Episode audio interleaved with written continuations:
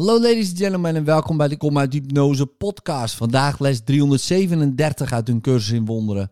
Mijn zondeloosheid beschermt me tegen alle kwaad.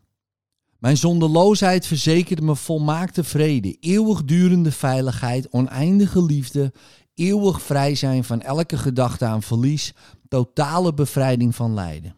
En alleen in een staat van geluk kan ik verkeren omdat alleen geluk mij gegeven is.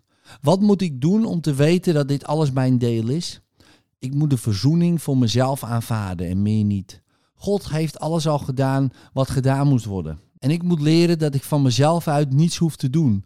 Want ik hoef alleen maar mijzelf te accepteren, mijn zondeloosheid, die voor mij geschapen en nu al van mij is, om te voelen dat Gods liefde mij beschermt tegen alle kwaad. Om te begrijpen dat mijn vader zijn zoon lief heeft. Om te weten dat ik de zoon ben van wie mijn vader houdt. U, die mij in zondeloosheid geschapen hebt, vergis zich niet omtrent wat ik ben. Ik vergiste me toen ik dacht dat ik zondigde, maar ik aanvaard de verzoening voor mezelf. Vader, mijn droom is nu ten einde. Amen. In liefde. Tot morgen.